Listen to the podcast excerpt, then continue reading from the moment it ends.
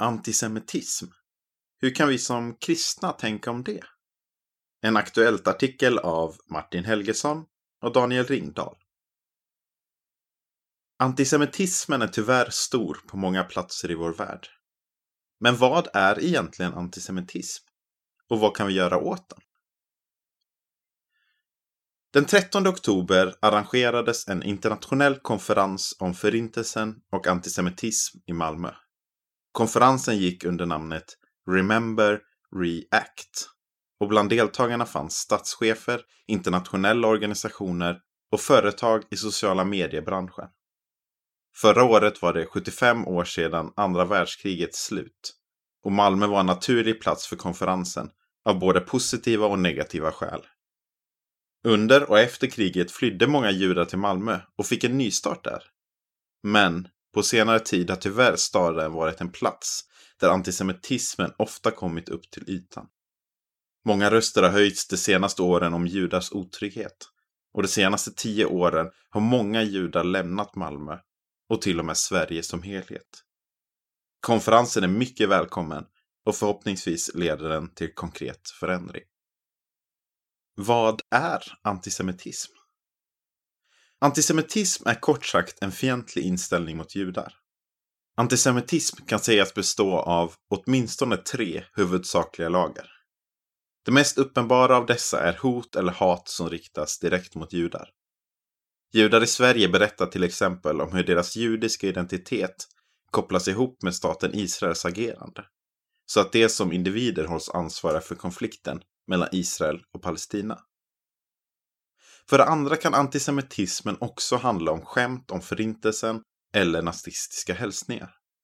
Skämten bygger ofta på stereotyper, som för övrigt är en vanlig ingrediens i all rasism och innebär att man drar slutsatser om hurdan en människa är bara genom att utgå från dennes hudfärg eller etnicitet.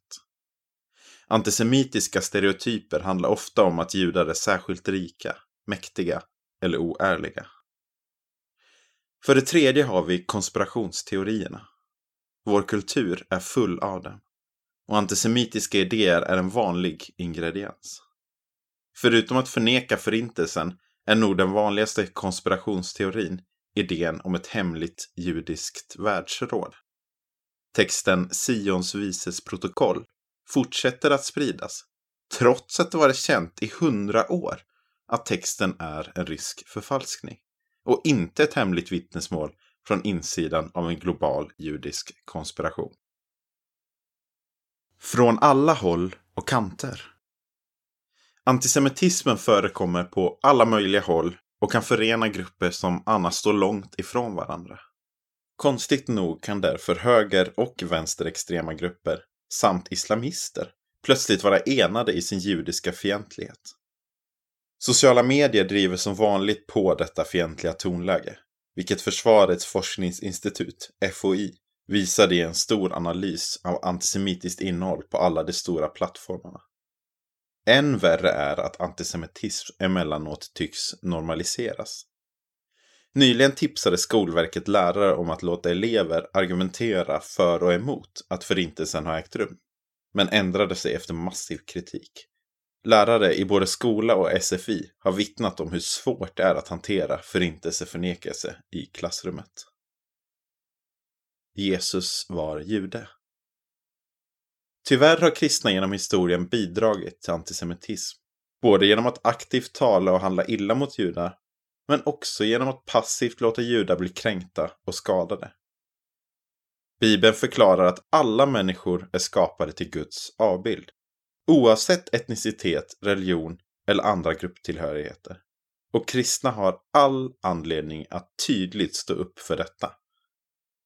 Alla människor är lika mycket värda.